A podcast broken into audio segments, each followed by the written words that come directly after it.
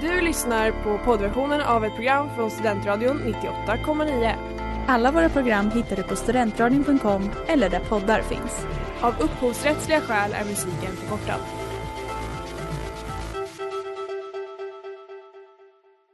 Vi har det så lugnt och skönt här i Stockholm. Ja, stockholmare är smartare än lantisar. Stockholmare tror att en lägenhet kan vara värd 43 000 kronor kvadraten. Tycker att det är okej att köa en timme för att komma in på en krog där ölen kostar 60 spänn och tycker att det är rimligt att en latte kostar 40. Är vi intelligentare så är vi jävligt bra på att dölja det. Vad gjorde Fabbe för något då?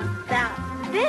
Farsa då? Hajar inte ditt eget modersmål va? Radio Holmensis, ett program av Stockholms nation på Studentradion 98,9.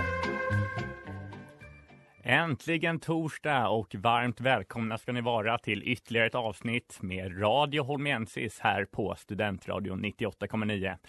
Jag, Theo Tisell, gör min programledardebut och med mig i studion har jag Oskar Angestav. Hur mår vi idag, Oskar? Vi mår riktigt bra. Vi har ett fullspäckat avsnitt framför oss, eller hur? Ja, det har vi verkligen. Vi ska prata om sittningar. Ni kanske undrar, vad är en sittning? Vad är ett bra att kunna inför att man ska gå på sin första sittning? Och vilka sittningar kommer att äga rum på Stocken denna termin? Vi ska också göra en dubbelavslöjning av vår lista över de främsta stockholmarna de senaste hundra åren. Men först ska vi prata om vad Radio Holmensis tyckte om senaste Bondfilmen som vi pratade om förra veckan. Häng kvar!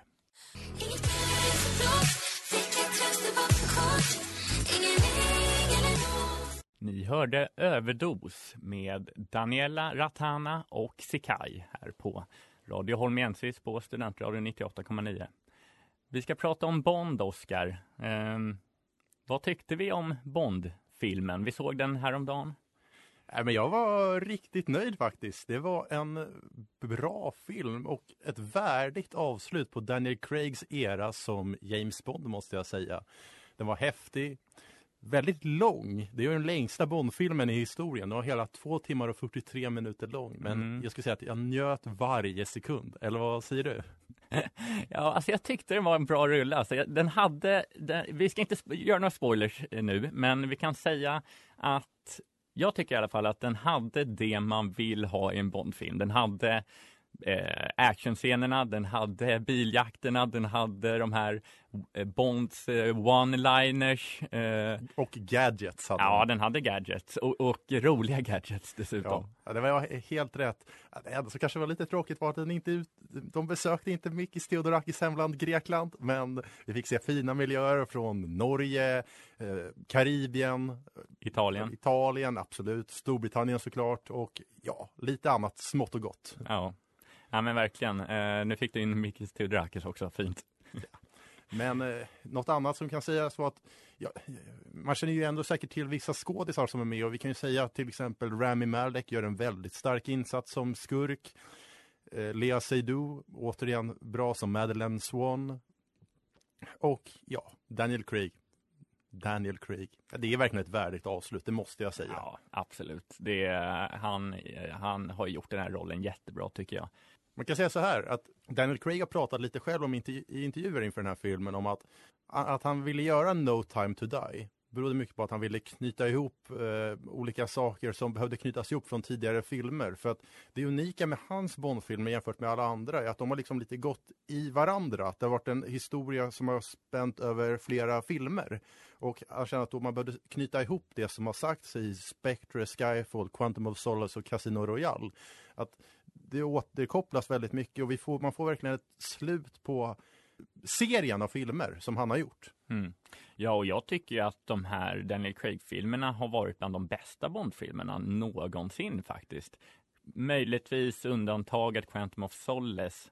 Eh, de gamla Bond-filmerna kanske är mer klassiska, men liksom, jag tycker nog att de här nyare ändå är bättre gjorda på något vis. Jag skulle säga att de är det är ju bättre filmer, men storyn är ju det är ju inte den Bond kanske man tänker på när, när det är själva storyn. Men de har verkligen, det, det är verkligen ett avstamp. Det här var Daniel Craig som Bond. Och det blir intressant att se det nästa som kommer för hur den ska överprestera det här. Mm. Det- blir väldigt intressant. Ja, det blir väldigt spännande. Men om man ska nämna en kort grej till så måste jag säga att det, det är kul att de återkopplar ändå till Bond-historien i den här filmen. Och bland annat så vid flera tidpunkter så får man höra Louis Armstrongs väldigt kända och fina Bond-låt från Hennes Majestäts hemliga tjänst, nämligen We have all the time in the world. Ja, det var väldigt fint. Och med det så eh, får väl tacka Daniel Craig för hans prestationer som James Bond.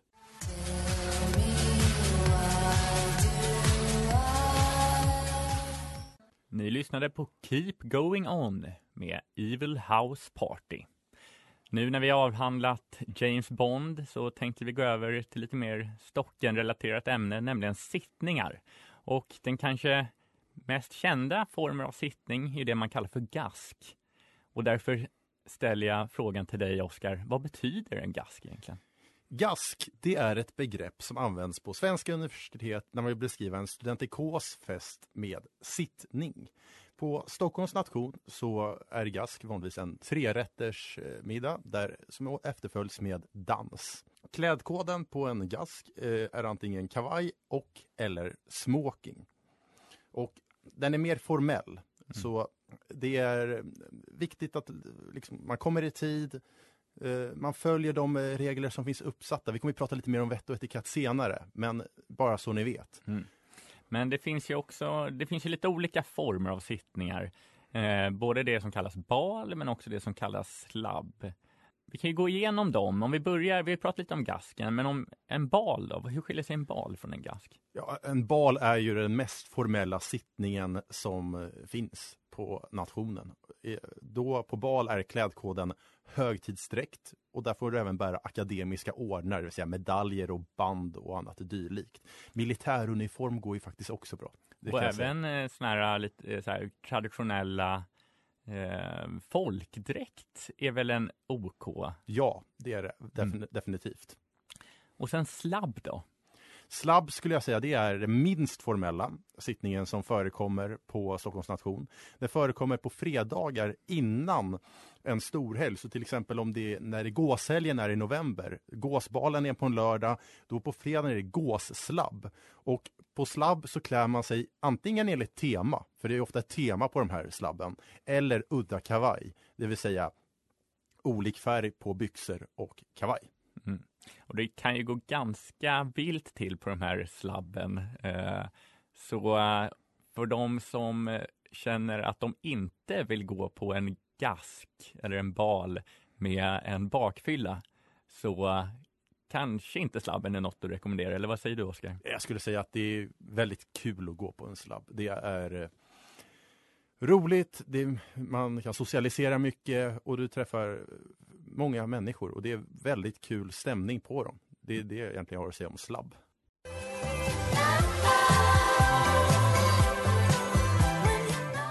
Det där var Highway 1 med Kone Mara. Oskar, vi har ju en sittningshelg framför oss. Det är både höstgask och sen Stocktoberfest som i och för sig inte är en sittning men ett roligt evenemang som vi båda varit på ett antal gånger. Kan inte du berätta vad, vad utmärker just höstgasken? Det som utmärker höstgasken är att den markerar, skulle jag säga, början på hösten. Rätt bokstavligt. Att nu går vi mot en eh, termin. Det är egentligen den första sittningen som är riktad till alla nationens eh, både medlemmar och aktiva eh, på hösten. För att un under början av terminen så har vi till exempel då ofta ressegask. Mm. Och den är ju verkligen för nya studenter att de ska komma in. Men det här är liksom första sittningen där liksom det inte finns några egentligen begränsningar kring vilka som kan gå. Mm. Och den är ofta väldigt trevlig, ofta god mat, man satsar lite på det och den efterföljs ju alltid av ett 04-släpp. Mm. Och det kan bli roligt. Det kan verkligen bli roligt och ibland har det ju varit artist också. Ja. Vet du om det blir artist eh, i helgen? Jag har ingen aning. Sen eh, efter gasken så har vi Stocktoberfest som är på eh, eh lördagen. Vilket är liksom eh, Stockholms nations eh, take på Oktoberfest, vilket ni kan ana av namnet. Eh, det brukar köra långbord, eh, lite tyrolsk eh, orkestermusik som man kan dansa till och även eh, serveras öl i stora sejdlar. Och även ska vi lägga till att maten är ju korv med sauerkraut och Ja. eh, pretzel brukar det vara. Ja. Så det är väldigt, det blir en tysk stämning. Det är som att Stockholms nation förvandlas till ett ölcafé i München för en eftermiddag. Ja. Och det är ofta väldigt eh, härlig stämning. Och man, men man är väldigt trött skulle jag säga när man går därifrån för att det är väldigt kul. Men det är ju kul där när när bord, när de, efter ett tag brukar vi plocka bort de här långborden och det brukar bli ringdans inne i den nya salen till Tidigare har det hetat Café Innsbruck bandet och de kör på och det är riktiga Umpa Umpa låtar och det är Det är bara härlig stämning Ja. när man hör Ein Student aus Uppsala då, Det är ju en personlig favorit måste jag säga. Jag pratade med en utbytesstudent från Tyskland eh, härom veckan och hon var från eh, Bayern och och hon kände ju mycket väl till eh, Ein Student auf Uppsala, men sa att det är däremot det är en låt för den äldre tyska generationen. Jag vet inte hur det är i Sverige, men eh, jag ska inte säga att det är en låt för den yngre svenska generationen, för det, våra föräldrar har säkert också hört den. Eh, Men eh, det, är- det är ändå roligt att eh, vi unga svenska studenter dansar till eh, låtar som eh, tyskarna anses vara liksom gammal eh, musik. Ja, och det här bandet, de brukar ju, det är ju inte så många låtar de spelar utan de brukar köra ett set om fem låtar kanske och sen så går de av och så går de på igen en stund senare Ja. så det blir mycket repeaten. Det brukar ju vara till exempel, det är, de sjunger om Moskau och det är eh, köpa sig en tyrolerhatt och sen den här kycklingdansen brukar ju dyka upp också. Ja. Det, är, det är jäkligt härlig stämning på den där. Och det är också det som är kul, det är, liksom, det är bra att de kör några få låtar, för då lär man sig dem ganska snabbt. Så kan man sjunga med också. Det ska sägas att eh, den här Arstoto- Oktoberfest, eh, det är en dagsfest. Och jag gillar ju dagsfester, alltså. det är någonting speciellt med att börja kröka tidigt på dagen. Det är, det är härligt helt enkelt. Ja, man skulle tänka att de riktigt starka personerna, de börjar väl säkert med en utgång på torsdagen. Ja. stänger vid 01. Hem sover, görs redo dagen efter för en höstgask med 04 släpp. Stänger det och sen dagen efter går sig upp för tidigt på förmiddagen kanske börjar. Eh, Oktoberfest gör sig redo för en dags, dagsfest med säkert efterföljande efterfest på annan ort. Så det är en helg och efteråt så, du kommer ju må så där på söndagen. Det, Mm. det vet vi av egen erfarenhet. Ja, säger inte alltså. Men eh, stor eloge till alla kämpar där ute som eh, kör torsdag, fredag, lördag.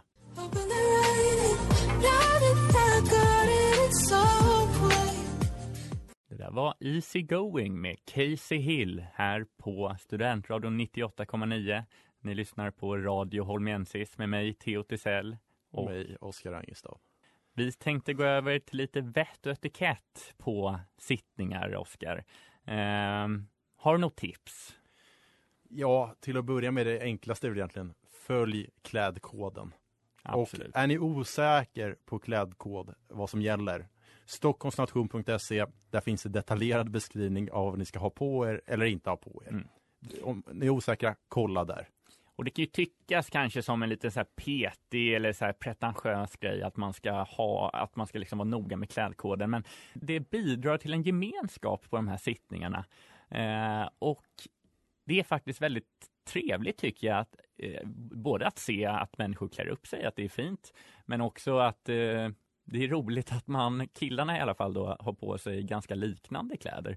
Eh, men att man ändå kan sticka ut med vissa detaljer och sånt där. Ja, och jag skulle framförallt säga att det är kul att få klä upp sig ett par gånger per termin. Mm. Annars, alltså, ha på sig kostym är kul. Ja, och det finns ju vissa som kör kostym var och varannan dag, men för min del så är ju sittningar ett av få tillfällen varje år som man faktiskt har kostym på sig. Och eh, då är det roligt att få använda den. Ja. Vi ska gå in på en eh, av de mest komplicerade grejerna när det gäller sittningar, nämligen skålningar. Och eh, det blir ju ett antal sådana. Man brukar köra lite snapsvisor och lite eh, sånger och liknande. Eh, och efter alla dessa så skålar man med varandra. Och det finns ju en liten regel för hur man ska skåla, Oskar. Ja, det finns det. Egentligen är den inte så svår men det kan ta lite tag att lära sig. Men om vi börjar så här. För herrarna. Då börjar man med att skåla till höger. Till, Till- Sin, sin bordsdam. Precis. Sen till vänster. Och sen rakt fram. Och sen tar man en liten slurp. Och sen kör man samma väg tillbaka. Rakt fram. Till vänster för att sen avsluta hos bordsdamen. Mm. Och för, då för damer så är det tvärtom. Då börjar man till vänster med sin bordsherre. Sen till höger, rakt fram, tar en slurp, rakt fram, höger och avslutar hos sin bordsherre till vänster. Precis. Mycket eh, pedagogiskt förklarat. Det kanske man kan klippa ut det där och sen kan man ha, ha med sig det och, och lyssna i, i, i pauser eller något sånt där om man blir osäker. Eh, men det kan ju vara bra att kunna. Men om man ska lägga till en grej så är det ju så att så här, på sittningar, ofta då har man ju den här ursprungstanken att det ska sitta kille, tjej, kille, tjej om vartannat. Men verkligheten ser ofta annorlunda ut. An ofta är ju antingen det ena eller andra könet överrepresenterat.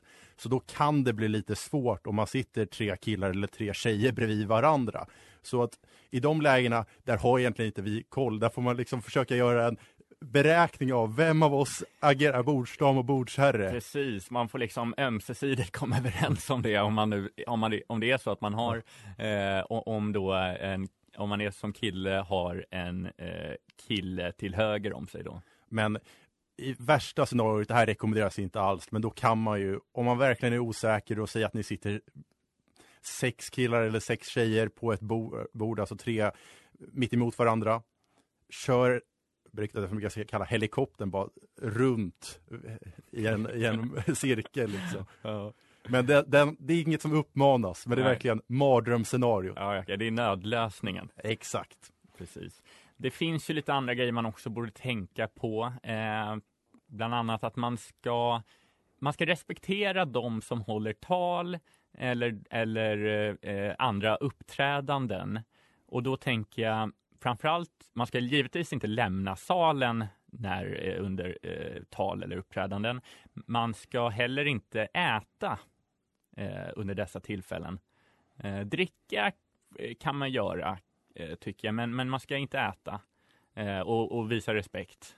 Nej, alltså det viktiga är ju att inte göra ljud ifrån sig. Om det är en kör som står och sjunger eller ett späck som pågår. Låt dem få stå i centrum ljudmässigt. Du kan ta en slurp men se till att du liksom sätter ner glaset försiktigt. Och så det viktiga är att den som styr eller leder kvällen, det är ofta sånganföraren. Så det är inga spontana sånger. Det är inga, inga bordssånger eller någonting. Sånganföraren styr och det är den, den sång som den väljer att vi ska sjunga, det är den vi sjunger. Mm. Och sen, eh, det kan ju hända att man sitter på en lång sittning och att man behöver gå på toa. Men då finns det den här regeln att man går på toa i pauserna och inte eh, under själva eh, middagen. Ja, alltså man ska säga så här att eh, den enda gången du lämnar egentligen salen, det är under pausen. Mm. Annars sitter du kvar och det är av ren respekt för ditt sällskap. Och sen givetvis, måste man, måste man, måste man gå så får man ju kila iväg såklart. Ja, man men inte... gör det diskret. Ja, precis. Vi vill inte ha några blåsor som, som spricker. En annan sån här grej. Eh, vissa herrar drar ut stolen till sin bordsdam. Brukar du göra det, Oskar? Ja, på formella sittningar definitivt. Det, det jag vet inte varför, men det, det hör ju till på något Ja, sätt. det är någon slags tradition, eh, lite eh, gammalmodigt kan tyckas. Jag måste erkänna att jag är nog dålig på det där. Sen vet jag inte eh, exakt vad eh, damerna tycker, om de tycker att det är verkligen trevligt eller Alltså, när man väl gör det så brukar man säga åh vad snällt, Ja, eller får man ja. ofta höra. Så att det är bara ett plus i kanten skulle jag säga. Något mer man kan tänka på, det är att just det här jag sa vi, eh, tidigare om att det är sånganföraren som styr. Vi sjunger till exempel aldrig Lambo i Uppsala. Det får vi hålla till dem i Lund. här, liksom, sånganföraren styr, ingen Lambo. Och sittningen avslutas alltid med O gamle klang och jubeltid. Den finns längst bak i sångboken och den efterföljs sen av det Egeiska havet som är Stockholms nationssång som avslutar kvällen. Här finns det en gammal sägen att du ska aldrig sätta dig ner efter O gamle klang och jubeltid för då kommer du inte ta studentexamen. det, hur mycket den stämmer, det kan inte vi vidimera eller någonting. Nej, för vi har aldrig gjort det misstaget. Men följ traditionen och sätt er ner. Sätt er inte ner efter O gamle klang och jubeltid. Nej. Och det du nämnde det här med sångbok, eh, det kan ju sägas också att eh, kom ihåg den. Och om ni inte har en så går den att köpa innan eh, själva sittningen, alltså på plats där ni kommer fram. Ja, det kommer finnas en Q-shop där ni kan handla pin, Mm. eh, slips och annat dylikt som nationen har att erbjuda. Sen lite korta tips bara. Man, eh, de tar ju ganska lång tid de här sittningarna ibland och eh, kan ta tid innan man får maten. Så en rekommendation är att inte komma vrålhungrigt i sittningen utan ha någonting lite i magen så att man klarar sig. Eh, och med det sagt också komma i tid givetvis. Ja, ofta, ofta står det ju på de här sittningarna, vi säger 17 DK. Då innebär det att du kommer mellan 17.00 och 17.30. Inte innan, inte efter. Och slutligen, föra lagom. Det, det här gamla klassiska uttrycket med att det som man inte minns, det har inte hänt, det stämmer inte. Så förfesta lagom och med måtta.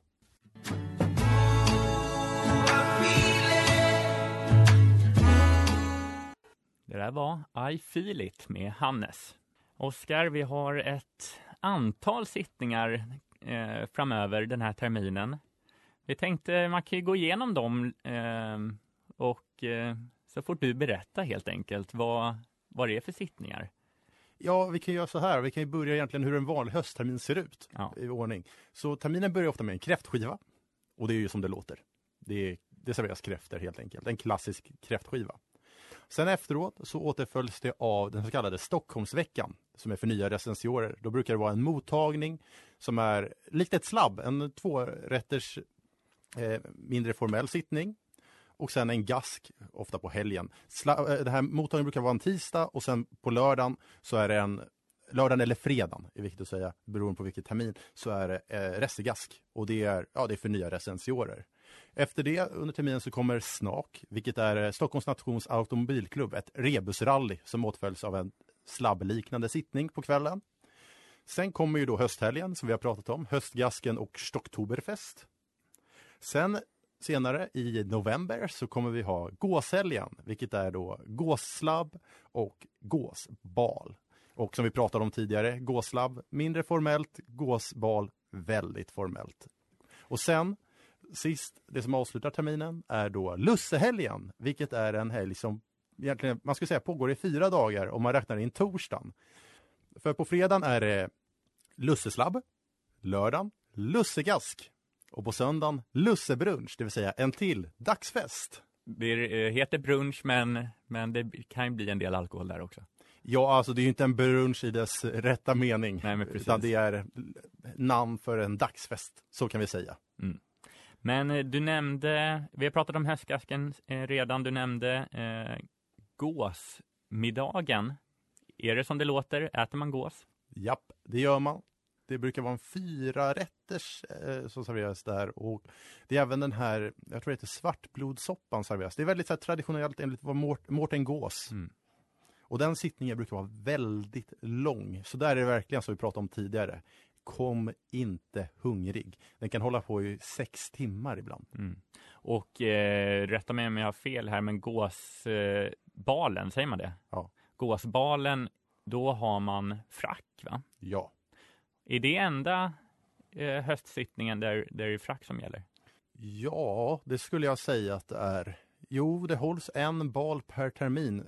Och sen, vi behöver inte prata egentligen om allt som brukar hända under våren, men på våren är det ju alltid en vårbal. Och sen vart fjärde år så blir det en extra bal under vårterminen, för då, när det är skottårsbal. Så nu har det varit väldigt länge sedan Stockholms nation kunde arrangera en stor helg med sittning på grund av pandemin. Och den senaste sittningen som egentligen var, om vi bortser från marsgasken som var i mars 2020, där det var, det var restriktioner som rådde men man kunde fortfarande anordna den. Det var jag tror bara 500 personsgränsen som gällde. Men det som verkligen var så här, noll restriktioner, det var ju skottårshelgen. Och då, var det, då är det ju bal. Mm. Som man bär frack eller militär eh, uniform eller eh, vad var det vi sa, folkdräkt. Och har du någon favorit av dessa höstsittningar?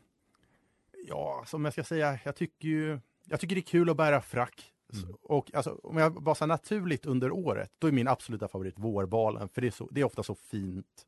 Och solen sticker fram. Det är ofta en härlig, väldigt härlig stämning. Men om jag ska säga hösten, då blir det väl gåsbalen i sådana fall. Mm. Vad har du Theo? Ja, jag satt och tänkte på det. Jag tror ändå att lussegasken tycker jag brukar vara väldigt rolig.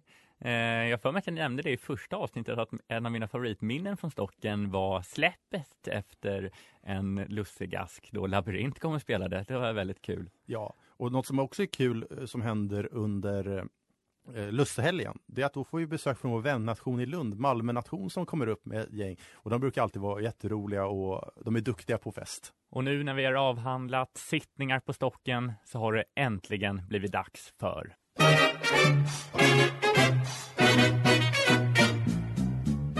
Radio Holmiensis, helt objektiva lista över de 15 främsta stockholmarna de senaste 100 åren.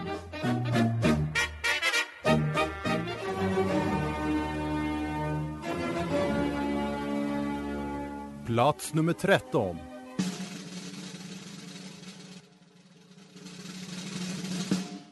Jan-Ove Waldner.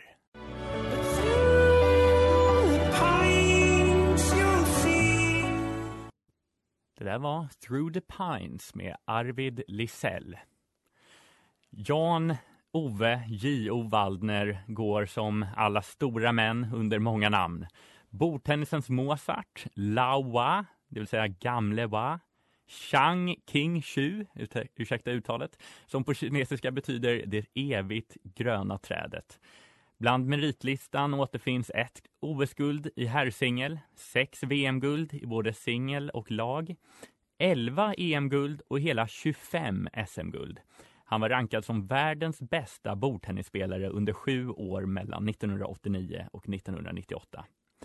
Jan-Ove föddes 1965 i Hägersten och var en del av den gyllene generationen svenska pingisspelare som förutom han själv bestod av Mikael Äpplet Appelgren, Jörgen Persson, Erik Lind och Peter Karlsson.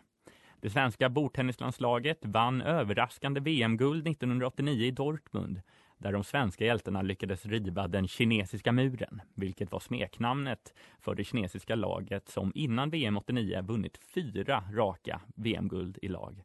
En bedrift som belönades med Svenska Dagbladets bragdguld.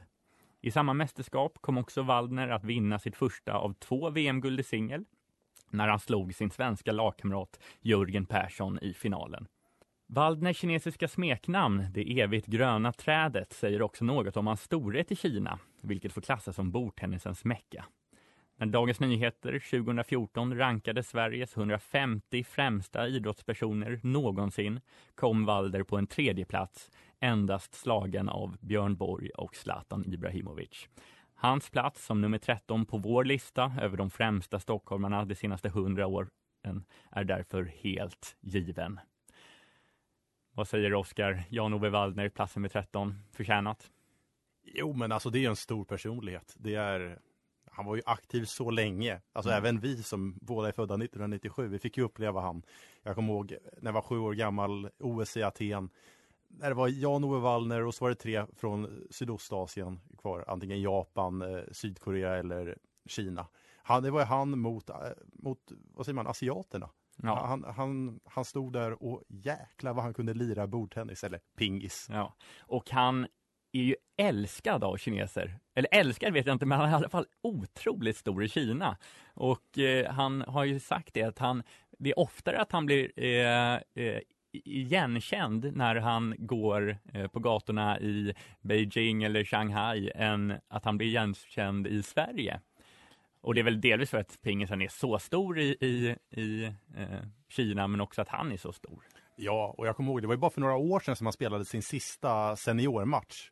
Men då kom ju sven, vad säger man, svenska kändiseliten till, om det var spårvägshallen i vet söder om Stockholm och kollade när han lirade och jag tror han förlorade matchen men det var ändå så här, det markerade slutet på en otroligt lång karriär. Och ja, han är ju en av de mest dekorerade atleterna i eh, i svensk historia. Mm. Sen att han bara tog ett OS-guld i bordtennis eh, tennis 1992 i Barcelona, det beror ju på konkurrensen.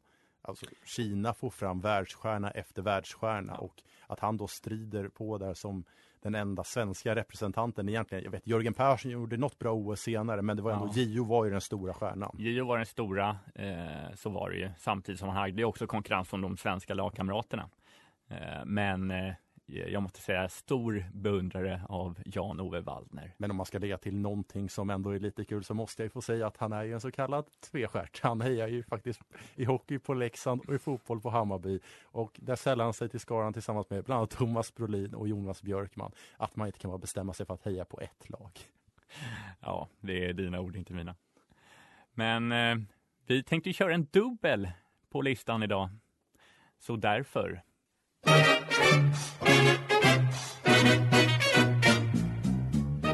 Radio Holmiensis, helt objektiva lista över de 15 främsta stockholmarna de senaste 100 åren.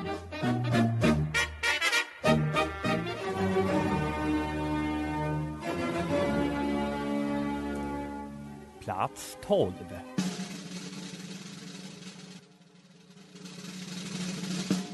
Harald Edelstam.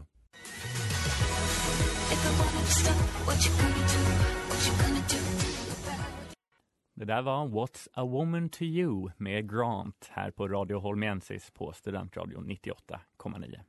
Ja, Harald Edelstam, denna definitionens man av mod och civilkurage som genom sina diplomat och ambassadörstjänster räddade livet för ett stort antal människor.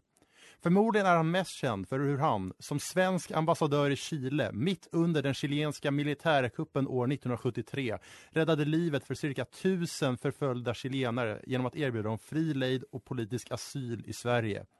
Han åtog sig även skyddsuppdraget för den kubanska ambassaden som var under belägring och skottlossning genom att gå in på området och hissa den svenska flaggan. Bland hans mest spektakulära aktioner återfinns räddandet av 54 uruguayaner från nationalstadion i Santiago. Samtliga som var dömda till döden och skulle arkebuseras dagen efter till följd av deras politiska åsikter. Emellertid uppvisade inte Augusto Pinochets militärregim någon större uppskattning för hans engagemang utan de utvisade honom och senare förklarades han persona non grata. Det har även kommit fram att Edelstam under det andra världskriget som vicekonsul vid den svenska ambassaden i Oslo räddat livet på norska motståndsmän och judar genom att skydda förföljda personer i sin källare och vara behjälplig i utsmugglingen av dem till Sverige. Med andra ord förtjänar denna modet och civilkuragets man Harald Edelstam en given plats på Radio Holmienses lista över de 15 främsta stockholmarna under de senaste 100 åren. Eller vad säger du Theo? Wow, eh, vilken eh, människa. Jag ska erkänna att eh, jag eh, hade inte superkoll på eh, Mr Edelstam eh, förrän idag, när du nämnde honom. Eh, men eh, en otrolig diplomat och karaktär. Han har ju också ett pris uppkallat efter sig, eh, Edelstamspriset, som eh, kan väl bäst beskrivas som civilkuragets Nobelpris, eh, som delas ut eh, varannat år tror jag det är. Ja, en stor man. Ja, och det ska ju, något som jag inte tog med här i beskrivningen, sägas att han, han hade ingen större uppskattning från UD från hans aktioner för att Sverige på den här tiden, neutralitet var viktigt. Man skulle inte blanda sig i, och, och, i politiska affärer och skapa, liksom, som de tyckte, kaos eller bidra till en viss stämning i, i det ena eller andra hållet. Så att de hade ju inget emot faktiskt att han utvisades från Chile. De såg det snarare som något positivt. Mm. Ja, det är, det är ju tråkigt eh, på något vis. Eh, men också visar på att han som ändå var diplomat där nere, att han såg vad som verkligen hände och kände liksom att det, han var tvungen att göra någonting. Ja, och historien har ju gett han rätt. Verkligen. Pinochet var ju ingen... Eh... Det var ingen toppenfigur direkt. Nej, det var det verkligen inte. Och det ska ju sägas att bland latinamerikanska grupper i Sverige så ses han som en mycket, mycket stor man just för hur han hjälpte släktingar eller ja, familjemedlemmar till dem att fly eller ja, få politisk asyl i Sverige. Han mm. gav dem en möjlighet till ett nytt liv istället för en arkebusering på nationalstadion i Santiago i Chile. Och att visa det modet trots att han vet att en hel militär egentligen står där och är direkt emot hans aktioner. Det visar på något stort. Ja, och med de starka orden så säger vi tack så mycket för att ni har lyssnat på denna veckas avsnitt av Radio Holmensis på Studentradion 98,9. Jag som har lett programmet heter Theo Tisell. Och jag heter Oskar Angestav. Tack så mycket. Vi ses nästa vecka.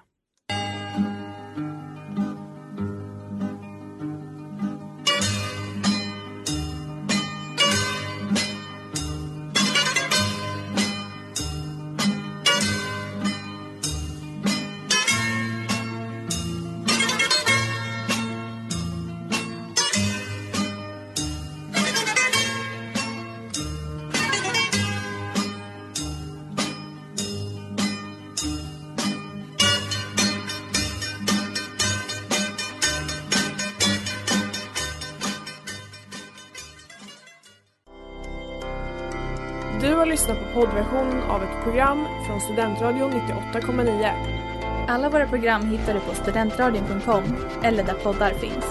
Och kom ihåg, att lyssna fritt är stort, att lyssna rätt är större.